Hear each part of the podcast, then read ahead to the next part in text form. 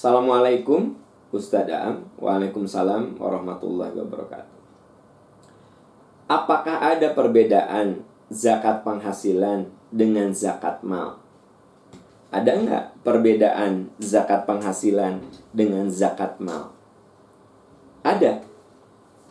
Kalau zakat penghasilan, judulnya juga kelihatan. Zakat penghasilan.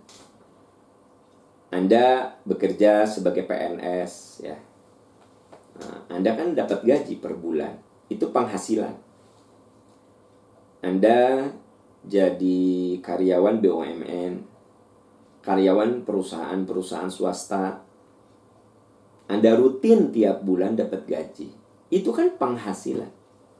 Anda jadi konsultan, Anda dapat bayaran, itu kan penghasilan.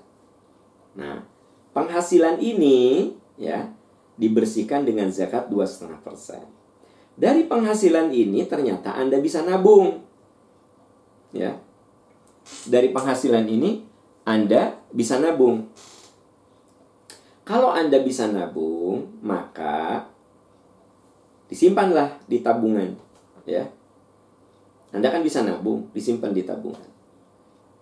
Nah, tabungan Anda itu dengan perjalanan waktu mencapai batas nisab batas nisabnya itu 20 eh 85 gram seharga 85 gram emas.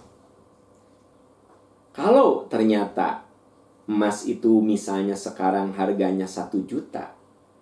Misalnya 1 juta, nanti Anda cek harga emas berapa. Ini supaya gampang hitung aja. Harga emas itu 1 juta.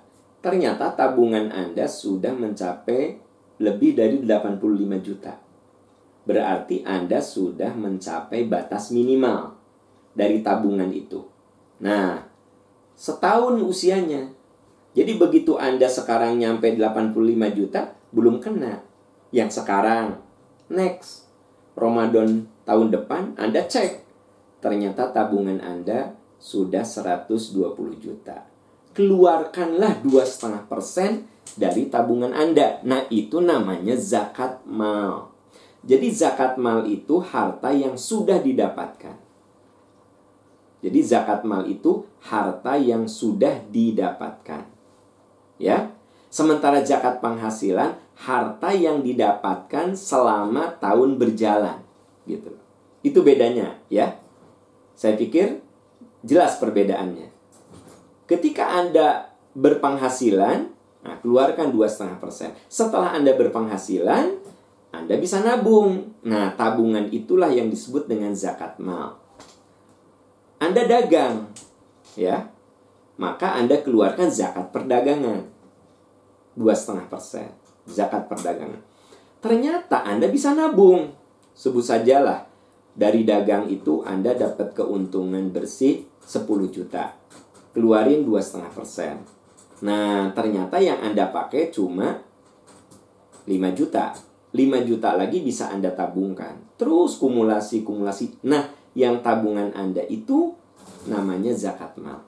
Jadi memang beda antara zakat penghasilan dengan zakat mal.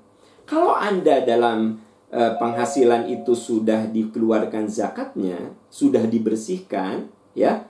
Nah, gugurlah kewajiban zakat penghasilan. Tapi anda tidak gugur dengan zakat simpanan karena kan Anda bisa menyimpan. Ya. Nah, itu kemudian disebut dengan zakat mal. Kalau harta simpanan itu disebut dengan zakat mal. Nah, zaman dulu orang nyimpannya itu dalam bentuk emas. Nah, sekarang kan bisa dalam bentuk surat berharga. Sekarang ini bisa dalam bentuk apa? E, tabungan, ya. Dalam bentuk saham bagi hasil. Itu yang namanya harta simpanan atau zakat mal itu bentuknya bisa macam-macam, bisa dalam bentuk emas, bisa dalam uh, surat berharga, ya. Banyak sekali yang dikategorikan zakat mal atau zakat simpanan. Aset juga merupakan zakat simpanan. Sebenarnya zakat mal, zakat mal maksud saya, ya, begitu. Jadi ada perbedaan antara zakat penghasilan dan zakat mal ya. Tadi sudah saya jelaskan uh, perbedaannya. Wallahu alam bisawab